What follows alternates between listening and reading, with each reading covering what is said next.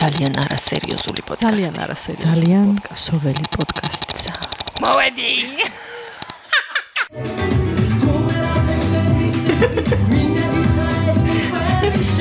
შენ ვერ გეუბნები ვერ გეუბნები ვერა ვაიმე ჩაწვა ჯიგარი. ჩაწვა ჩაწვა მე ვარ თინი გამშვიდა მე ვარ ნათია დამაკავე. კი არა და გამაკავე, ხო? გამაკავე, ხო. საკუთარი სახელი გამოვიწყო. ხოდა ჩვენ მოგესალმებით დღეს საკმაოდ ზიანი სტოკჰოლმიდან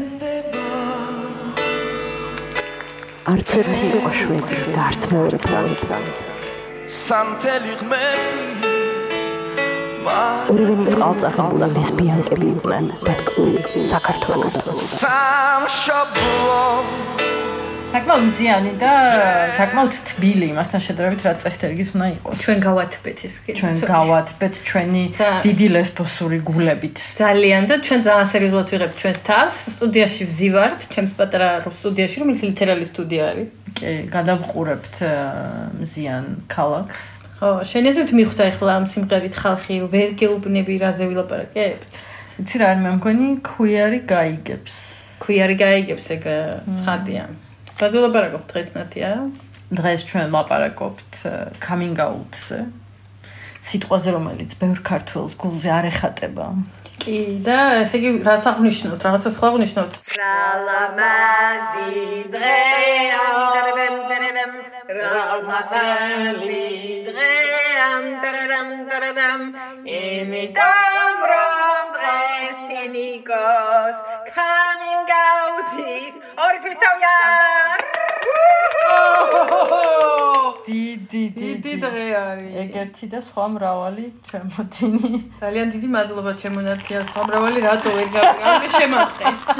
იმიტომ რომ ჯობია მორალურად შეემზადო იმისთვის რომ სხვა მრავალი იქნება. გილოცავ coming out-ის ორითვის თავს. და ნაკლები coming out-ი დაგჭიროებოდეს. ან э, თუ დაგჭირდება э, მარტივად э, ჩაევლოს აწი. შენ ახლა გახსოვს ის არა ქვია.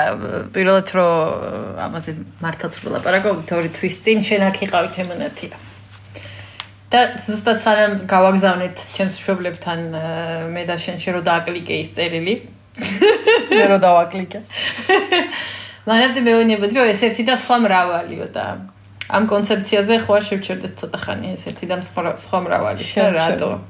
შევჩერდეთ აუცილებლად ხო. სხვა მრავალი ეს ისე ხუმრობით ანუ coming out-ის coming out-ს ალბათ ვერ ვერ ვუსურებ სერიოზულად ადამიანს ესე მაგრამ მორალურად შემზადებაზე სერიოზულად გითხარი იმიტომ რომ ჩვენს რეალობაში დაშვება არის ყოველთვის ის რომ ანუ ყველა ჰეტერო არის და ყველა სისგენდერია და ხო რა ანუ ასე თქვა აი ამ ბჭყალებში ნორმებში იჭდება. შესაბამისად coming out ბევრ ბევრჯერ და ბევრგან გიწევს ანუ სულ გიწევს ხო იმ იმ დაშვების ბასთან შეწინააღმდეგება ხო და ნუ შეგუშინ მეუბნებოდი რომ ეს ხო რომელ coming out-ზე ვლაპარაკობთო თინიო? კი, ეგეც მნიშვნელოვანია, იმიტომ რომ მან მან შევატყანო, შენ ხო რეალურად აუთხარ უკვე ეს დღეზე ახლობლებთან, მეგობრებთან, ნუ ახლობლების ნაწილთან, აქ დღეზე არ გულისხმობ მაინც და მეც ნათესავებს და უშუალო ოჯახის წევრებს, მაგრამ აა შენს ყველაზე ახლო ადამიანებთან და თემის წევრებთან, მათ შორის თემთანაც აუთხარ უკვე, ანუ საკმაოდ დიდი ხანია რა. საქართველოში, საქართველოში, კი არა ქართულს, ქართულ ენაში რო იყოს ეს ასე ვთქვათ, დიდი იმის რა ქვია, დიდი ასოთი რაღაცების წერის საშუალება, ხო? აი ეს დიდი ასოთი coming out-ი. ეხება როგორც წესი მშობლებს. და ამას არაცნობიერად ვაკეთებთ ხოლმე ხანდახან. ანუ თითქოს მანამდე ვისთანაც არ არ უნდა გქონოდა მოყოლილი ეგ ამბავი, თითქოს მანამდე აუთარხარ.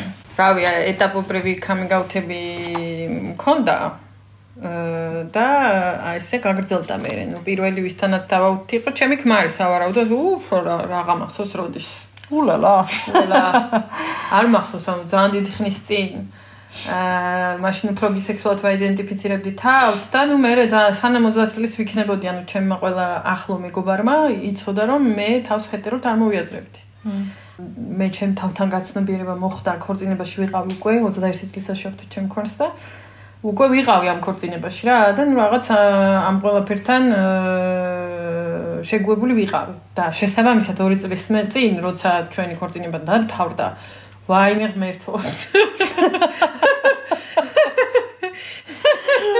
რაღაც მინდო და კაცები ყლე მომხდა 20 წელი და ვერ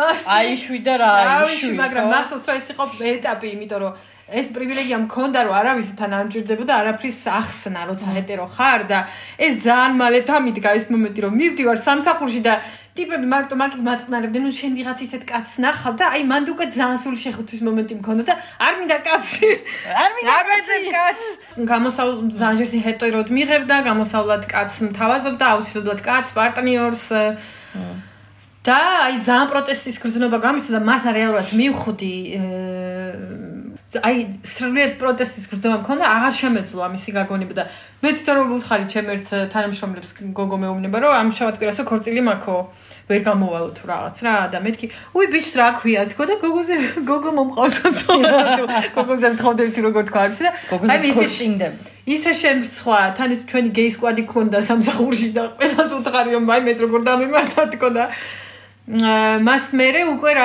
ვისაც ვიცი რომ ან თხოვდება ან პარტნიორი ყავს რაღაცა ყოველთვის აა, გადავწყვიტე რომ ყველა მივიღო გეით პირველ რიგში და მე გოგო ბიჭი რაღაცა და ნუ თუ საკ თუ იგეთ გამოწყდნენ ჰეტეროები თუ კარგია.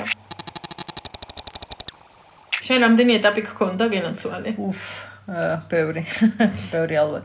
ანუ არ მთავრდა არ მთავრდება იდეაში რა როგორც წესი თუ რაღაცა შენ თან შენ ბაბლში ასე ვთქვათ როგორც ვეძახით ხოლმე არ არ ხარ რა ანუ პირველი ჯერ საკუთარ თავთან coming out-ის ეტაპი მქონდა იმ პერიოდში მე როდესაც მო- მოზარდი ვიყავი ინტერნეტი ახალი შემოსული იყო და ანუ არნაირი ქვია მოძრაობა საქართველოში არ იყო და მაშინ რა ქვია ტელევიზორში ვერ ნახავდი ადამიანს რომელსაც ისეთი გამოცდილება აქვს რომელიც მიგანიშნებდა რომ უი შეიძლება აი ეს იყოს ჩემი გამოცდილებაც ან საჩემო.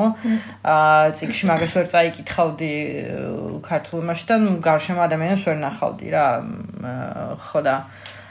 აა შესაბამისად მაგ ანუ ეგ ეტაპი გამიგრძელდა საკმაოდ დიდი ხანი. აა ანუ ფაქტობრივად მთელი ეს მოზარდობის პერიოდი აი ამ ფიქრებში რომ ვინ ვარ რა ვარ რა მინდა გამივლის თუ არა აა გავატარე ესე მარტო რა და ეგ იყო ნუ პირველი ეტაპი იყო ხო რომ აი საკუთარ თავთან ეს out და მე საკუთარ თავთან რომ მივხვდი რომ ანუ ერიაში ჩემი პირველი ურთიერთობაც მაგ ჩემ ეჭვებს შეეწირა იმიტომ რომ რაღაცა დარწმუნებული ვიყავი რომ ანუ გამივლის და უნდა გამიაროს რა თუ თავარია. და მაგ დროს უკვე პატარა პატარა აღარ ვიყავი რეალურად ანუ უნივერსიტეტში ვსწავლობდი ბაკალავრიატზე.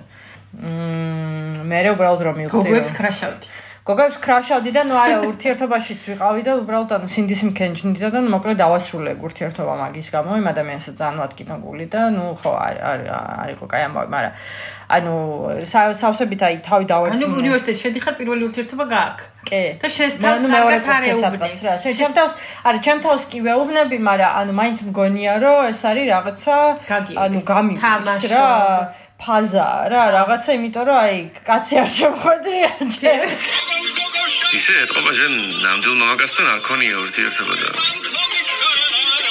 ორ გვესინჯას ემ იქნება ორიენტაციას შეიცვალა ჩემო გარო ანუ მარტო მარტო გავდა ანუ მაგ კლიშეში გავატარე მთელი ჩემი ისა რა ქვია. ცხოვრების ცნობილი ცხოვრების პირველი ნაწილი და ნუ მე უბრალოდ ანუ აი საკუთარი თავი რომ დავარწმუნე რა ისე მე აი ქალებს საერთოდ არ უყურებ ზედა რაღაცა და ეგრევე ვიღაცა სხვა რო დავქრაშე გოგო რა თქმა უნდა ნუ ხალია მან მივხვდი რომ ნა- ნაცია კარგი რა ანუ კარგი რა ვის ატყუებ. ხო და აი მაგის მერე უკვე შევედი რაღაცა ორგანიზაციაში მივედი რაღაცა კინოს ჩვენებაზე ინკლუზივი იყო მაშინ. და აი მან უკვე ანუ ჩემს გარშემო სხვა თემის წევრებთან რო დავიწყე გამინაუთი რა რაღაცა ეს ურთიერთობა. მაგის მერე მაგის მერე გადავწყვიტე რომ აა, თქოს მშობლებთან გამიკეთებინა გამინაუთი და ნუ მე ამას მიყვა ეტაპები რა. ამ შუალედში მეგო ახლო რამდენიმე ახლო მეგობართანაც გავაკეთე გამინაუთი აა და ორმა მიმიღო ძალიან ნუ პრობლემოთ ერთმა აა, არა და ეს მეგობარი რომელიც ძალიან ახლო მეგობარი იყო ჩემთვის ის დავკარგე. რეალურად ამის გამო. ო, ბე. აა ხო და იმიტომ რომ მაგასთან კამინაუტ გავაკეთე მაშინ როდესაც ეს ურთიერთობაში ვიყავი, კაგრას ამ ჩემს ყველაზე პირველ ურთიერთობაში და მან თქონდა ესეთი იმპულსი, რომ აი ბედნიერი რო ხარ, რაღაც ძალიან გინდა რომ გაუზიარო რა ახლო ადამიანს და იმან იქიდან მე დამიწყო რომ აი ცოდვას ჩადიხარ და შვილი არ გეყოლება და ნუ აი ესეთი რაღაცები და მოკლედ იმის მერე ურთიერთობა გაგვიფუჭდა. ამ პოდკასტს უსმენე გიტარა გიტარა ანუ რაღაცა წრეებში ეს არ მთავრდება არასოდეს რა. კი, ხა მეც ახლა ფიქრობდი რომ არის ტიპები, რომლებიც ეხლაც არიციან. მ და უკვე აღარ შემიძლია იქ იქ ძალიან უკვე ძალიან ხუთავს ეს უბრალოდ რა მხუთავს იცი რომ ერთი კარადიდან გამოხვალ მეორე კარადიდან გამოხვალ მე იმაზე გადახტები ლეველებზე ახვალ და უკვე რაღაცა ძალიან მაღალ ლეველზე რო ხარ ასული და იქ კიდე ვიღაცა მოვა და კაც შეხვდები ვიღაცას რო გეტყვის და ეხლა რო ფიქრობ რომ ამას რო უთხრა ესე ტყვის ხა კაი ხლა რა სიმაშობი და კაი ხა შე რომელი ლესბიან გახარ და კაი ხლა აი ვაი მე უნდა გაჯახოს შენი ყოფილი ცხოვრება ძველი ცხოვრება მისი ისინი ამას გენდერის გაკვეთილებინა ჩაუტარო და იმან ის უნდა გიძახოს რადიკალი ექსტრემალი. და წინასწარო ვიხლები აი არ ვიღაცები ვისთანაც თქვი რომ არ შემილია. აი მაგის ძალა არა მაქვს და ეს ნიშნავს ოღონდ რომ ამ ხალხს აღარ ვნახულობ ამ პოდკასტს უსმენენ ნუ მოусმენთ ამ პოდკასტს გაპიდარასტება არაქცნება ხო ტრიგერსაც შეეხება რაც რამაც მიმიყვანა იმ აზრამდე რომ მშობლებთან კამინაუთი მიჭირდება რეალურად იყო ის რომ აა ანუ მე პირადად მაგალითად დაეშემთან განსაკუთრებით ძალიან ახლო ურთიერთობა მქონდა ბავშვობიდან. ანუ ბუნებრივია რთული ურთიერთობა, როგორც ალბათ ყოველას თავის მშობლებთან, სხვადასხვანაირად და სხვადასხვა დოზით, მაგრამ ძალიან ახლო ურთიერთობა მქონდა ყოველთვის და აა ძალიან მიჭირდა იმის წარმოქმნა, როგორ უნდა დავმალო ამ ადამიანისგან, ანუ მამაჩემისგანაც რა, რომელსაც მომიც ასევე ძალიან ანუ რავი, კარგი ურთიერთობა მქონდა ყოველთვის. აა როგორ უნდა დავმალო ამ ადამიანებისგან ჩემ ცხოვრების ძალიან დიდი ნაწილი. აა მით უმეტეს, როდესაც ანუ მე უკვე აა ვიყავი იმაში დარწმუნებული, რომ არაფერი ცუდი, ცუდი ამ იმაში რომ სიტყვას ლესბოსელი ვარ, არ არის. მეორე მეორე მომენტი, რამაც გამიადვილა მაგ გადაწყვეტილების მიღება არის ის, რომ და ეგ განსხვავდება ძალიან ბევრი ადამიანისგან, ადამიანისთვის უბრალოდ თემში. ამიტომ არის coming out ყოველთვის ძალიან ინდივიდუალური ამბავი განსაკუთრებით მშობლებთან და განსაკუთრებით იმ ადამიანებთან, ვისაც რაღაც ავტორიტეტის ის აქვს რა პოზიცია აქვს რა შენს შენს ცხოვრებაში. აა ანუ ჩემ მშობლებს არასოდეს, ანუ არასოდეს არ მახსოვს რამე ჰომოფობიური ეთქვათ. აა ანუ არ იყო ეს ჰომოფობია რაღაცა ინსტრუმენტი ჩვენ ოჯახში და პატარა რო ვიყავი და ანუ საერთოდ საკუთარ თავზე არ ფიქრობდი რეალურად მაგ ჭრილში უბრალოდ რო ვიკითხე ჰომოსექსუალობა რა არის ძალიან წყნარად ამიხსნეს როგორც იცოდნენ და რაღაცა რა ყოველგვარი იმის garaშე ამ ხოდა ამიტომ რაღაცა დაშვება მქონდა რომ ნუ შეიძლება მთლად ახლა ეს სიხარულით არ მიიღონ მაგრამ ნუ ყოველ შემთხვევაში არის ახლიდან არავინ არ გამაგდებს ცემაში სულს არ ამომხდის და ასე შემდეგ რა. ანუ ეს რო ცოტა სხვანაირად ყოფილიყო, არ ვიცი, შეიძლება გაცლებთ უფრო გვიანი მე თქვა მაგალითად, მე რომ ცოდნოდა რომ ძალიან ესეთი ღიად ჰომოფობიური დამოკიდებულებები აქვთ, სიტყვაზე დაველოდებოდი მაგალითად სანამ რა ვიცი, მე უფრო სტაბილური სამსახური მექნებოდა, შევძლებდი რომ გავცლოდიან რაღაცა რა. ანუ არ მინდოდა ჩემი რაღაცა ცხოვრების ძალიან დიდი ნაწილის დამალვა, იმიტომ რომ თან მინდოდა ხვდებოდი რომ მინდოდა უფრო ჩავრთულიყავი თემში, უფრო რაღაცები მეკეთებინა.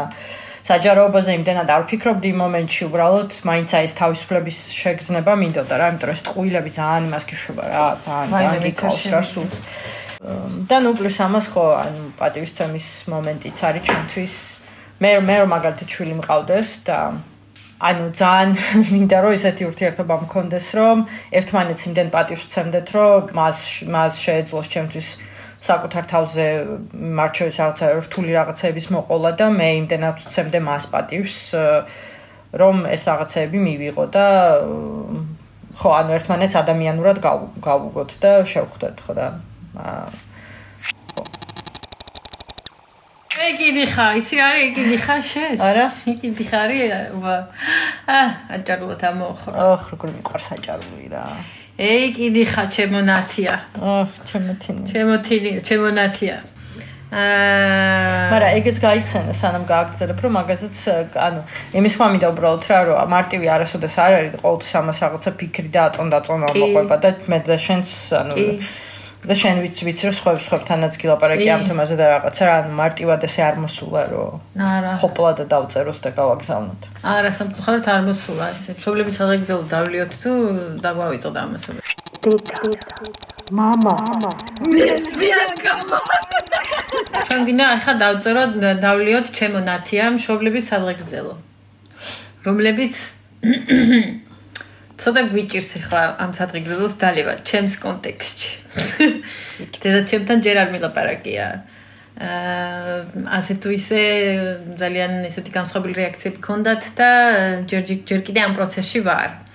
მაგრამ აა, მინდა აა, ჩვენ აა, ვსვამთ ქვიარულ სადღეგრძელოს მშობლების მიმართ, რომელთაც გვინდა გავაგებინოთ, რომ აა, მათ ვცემთ პატივს. კი. და ამიტომ ვეუბნებით ამ ყველაფერს, იმიტომ რომ აა მე ძალიან სწრაფად მივხვდი, რომ ვიღაცა ჩემ მშობლებს უეჭველი ეტყოდა. აა აი როდემდე ვიმღერებდი სცენაზე მიყვარს გოგოების და ლიფების წელვაზე აი როდემდე და ოლიფების წელვა როდემდე უნდა იმას მექნა, რა ქვია, მუტლებზე ტექსტები მეწერა, რომ რამდენი ფსევდონიმის ქვეშ დაყოფილიყო, მე წერისთვის ცალკე ფსევდონიმი მქონდა, სიმღერისთვის ცალკე ფსევდონიმი მქონდა. ინსტაგრამზე ცალკე ფსევდონიმი მქონდა, აქეცა ვაიმე ძალიან დავიხლართი, აი ვინ ვიყავი, რა ვიყავი, ძალიან გამიჭირდა და მივხვდი რომ აა ნუ სიკვდილივით არ ვიტყოდა ესე რომ ვერაფრი აი ცხოვრებაში პირველად ვერ ვუთხარი პირდაპირ რაღაცა ანუ ხმამაღლა აი ამის ეს ძალიან მეამაყებოდა რომ ყველაფერს ყოველთვის პირდაპირ ვეუბნებოდი და აი ეს იყო პირველად ცხოვრებაში რომ ამას ხმამაღლა ვერ ვეტყოდი რომ ლესბოსელი ვარ. აი აი ვერაფრით ვერ მასქენი რა. და შენთან ძალიან დიდი ლაპარაკების შემდეგ და ეს დავწერე ეს წერილი მე ესეთ უაზრო რაღაცებზე მეშინოდა რომ ეხლა რა ფორმით გავგზავნი რომელ საათზე? აი ეს რომელი საათი ძალიან მნიშვნელოვანი საათ ძალიან მნიშვნელოვანი საათ სტრატეგიული სტრატეგიული გათვლები იყო იქ ტაქტიკური გაკეთებული. აი ესეთი რაღაც დეტალები რომლებიც რეალურად მოგეჩვენება რომ არ არის მნიშვნელოვანი და ყოველას გვერდში დგომა მაგ დროისთვის ისე კარგად მახსოვს რომ შენ რომ მოხვედი და შენ მიხარ რომ მე დავაჭერ კნოპკას ხელს და მე გავაკეთებ send ეს უნდა ეცოზონი ბევრი რამე კი არ მინდა რომ მითხრა პროსტო რომ საათი გავაგზავნე ეს უნდა ძალიან სერიოზულად მითხრა 9-ზე ვა ჩვენ გამოვთვალეთ ეს 9 საათი რომელი იქნება სტოკჰოლმში. მე ლოჯისტიკურად რომ სახში ერთად ხო იქნებიან. მე რაღაცა ისეთი უაზრო ისინი მქონდა რომ რეალურად შენკე მაინც დედის დღე არ შეარჩიე კამინაუთის აი, მე ჩემთან კამინაუთის სამარც გავაკეთე ყვავილები დავადექი თავზე და კაი ამბავიც ვაჯახე იმის მერე ანუ იმის მერე ვერ იტანს ამ სამარც საერთოდ ისედაც არ ევასებოდა დიდათ რა იმიტომ რა ქვია მაგის მერე საერთოდ ხო. ამას ეუნები ხო დედა შენს? იყავს გოგოები პარიზში ვიყავს პარიზში ვიყავს გოგოები რა ქნა დედა რა ქნა მამა აი როგორ არ მიყვარდეს მამა შენ ცხრო გოგოები იყვარს სამთაშიც მიყვარს კი. ზაფხულშიც გაზაფხულზეც და საბანში გეცა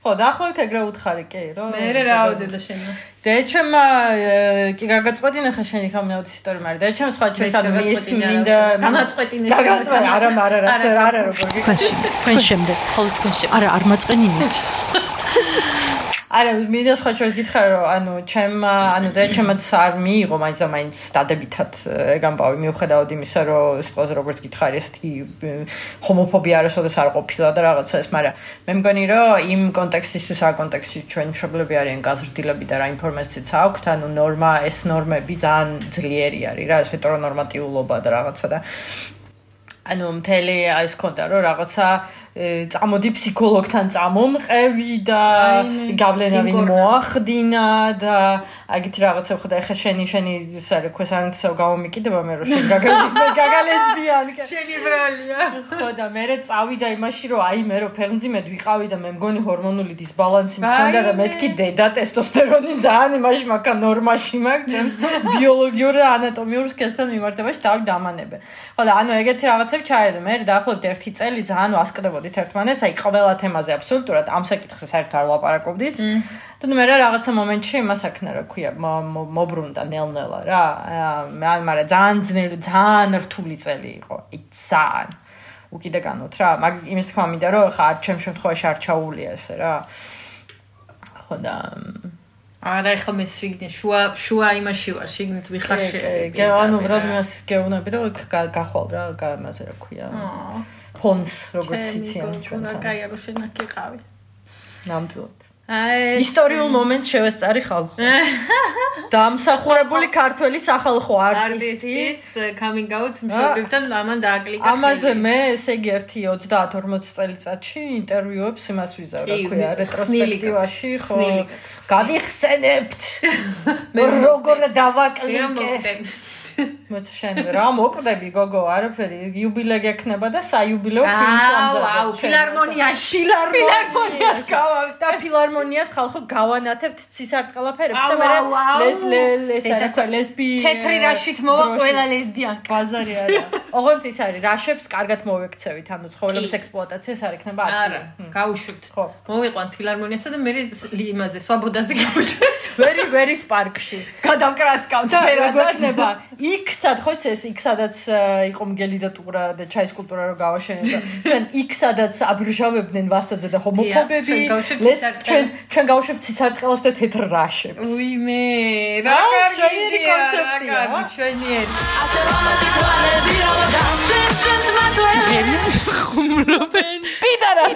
მოყრების სადღეგრძელო მინდა შემოგთავაზო ჩემო ნათია. ქართულ სუფრაზე მოყრების სადღეგრძელოს გარაშე ნუ ჩაგვა ნუ ჩაგვატარებინოს ჩვენ ქართული წყლით სავსე სუფრები, სადაც ეს წყალიც მე დავწურე, რო იცი. ქართული წყალი დაწურა შვედეთში, სტოკჰოლმის ცენტრში. და რო ლოც იცოდეთ. ჩემი ძუძვები ლოცავდნენ. ნამდვილად, ნამდვილად ეს არის რა ქვია. ხო, და რასაც ჩემი ძუძვები ლოცავენ გენოცვალე. ხო, ალავერც ვარ შენ ზუძულებთ. მამსადრე გძელოზე. კი, ბატონო. შეგეცილები. მე ნუ შემეცი, ანუ რეაქციებს, კარგ რეაქციებს და ჩვენს ეგრეთ წოდებულ მოყრები, მოყრების თარგმნოთ ახლა ინგლისურად ელაებზე. აა, მინდა ეს ადაგძელო დავლიო გენოცვალი. ვის კონდა შენთვის ყველაზე სამაგალითო რეაქცია? ჩემთვის ყველაზე სამაგალითო რეაქცია ჰქონდა ჩემს ორ მეგობარს, ვისაც უთხარი ეს ამბავი. აა და ანუ ეს ყოს ანუ მე ისე სანამდე ჩემთან გავაკეთებდი ხამინაუც რა. ერთთან დღესაც ახლო ძალიან ახლო ურთიერთობა მაქვს მეორესთან არც ისე მაგრამ არა იმიტომ რომ რაღაცა კონფლიქტი გქონდა ან რაღაც მაგრამ ანუ ორივეს დაახლოებით როგორი რეაქცია გქონდა იცი რომ ხო და მე ანუ ეგ იყო ჩემთვის ყველაზე კაი რეაქცია და ნუ მაგის გარდა ბუნებრივია ხა ანუ სხვა რაღაცებშიც მხარს მიჭერდნენ და გვერდით გვერდში მედგნენ და ასე შემდეგ და ასე შემდეგ მაგრამ ანუ თვითონ ის რომ რაღაცა არ წამოვიდა ეგ ტრილიონი შეკითხვა და არ მომიწე კიდე თავის მართლება და რაღაცების ახსნა განმარტება და იმის დაალაგება ჩემ მომავალს როგორ ავაწყობ და ეს არის რა ქვია რა მოკლედ ეგეთ რაღაცები ხო ეგ იყო ძალიან ძალიან მნიშვნელოვანი იმიტომ რომ coming out-ში რეალურად შენ ხო არჩევ რა წრეებში გააკეთო როდის რა და ხანდახან კი არა და ძალიან ხშირად გიწევს რომ აი ეს რაღაცა შენ შენც ამბობდი რა ეს ხალხი ხალხის რაღაცებს ახსნა და იმათვის განათლება და იმათ განათლება ამ თემაზე და რაღაც ანუ შენ ფაქტობრივად ეს ამ ბრძოლას ასხეულებ რა ანუ შენი სხეული და შენი კამინაუთი შენი პიროვნება არის როგორც გამოიყურები ჯერ ერთი ხო და- როგორც გამოიყურები და ასე შემდეგ და ასე ანუ ძალიან დამღლელია ძალიან. დამღლელია ხო და შესაბამისად აი ეს რეაქცია რომ ხო რა ნუ რავი ანუ ხდებოდი იდეაში და მე მე ხო ხო კარგად ხარ რაღაც. ანუ ეგ იყო ყოველთვის ჩემთვის ყველაზე კარგი რეაქცია. აი მათ შორის რაც კი რაც კი მქონია რეალურად. მე დეი და ჩემს რეაქცია მაქვს. ესე სამკაულად დავატარებ, ხო ვცდილობ რომ მოუძებნო ერთი წამით, რომ სადღაცა მაგ ჩასკრინული. დედა დეიდაჩემის პასუხი ხან ჯერ დედაჩემს უთხარი და მე დეიდაჩემს და ჩემში არაფერი არ შეიძლება და სიყვარულის მისხალი არ დააკლდება და ფრთხილები აქვს გახსნილი პირიქით თუ არ დაემატა ახლა მის გვერდით გავჩნდებოდე და ვეტყოდე რომ უზომოდ მიყვარს და ჩემს კალთაში ჩავადებიებდე თავს. ო, რა კარგი დეიდა. ძალიან და სპეციალურად კითხულობ ხა რომ ისა რა ქვია. ესეთი კიუტ რაღაცაც იყოს. აა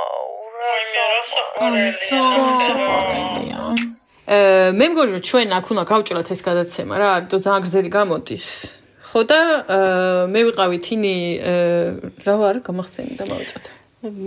თინი გამიშვი, შენ ახარ ნათია დამაკავე და ჩვენ შევხვდებით მომდევნო კვირაში. აუცილებლად, აუცილებლად დაგველოდეთ, მოგვისმინეთ, დაგველოდეთ, დაგვისვით შეკითხვები. კი, და გამოგიგზავნეთ თქვენი გამოცდილებები.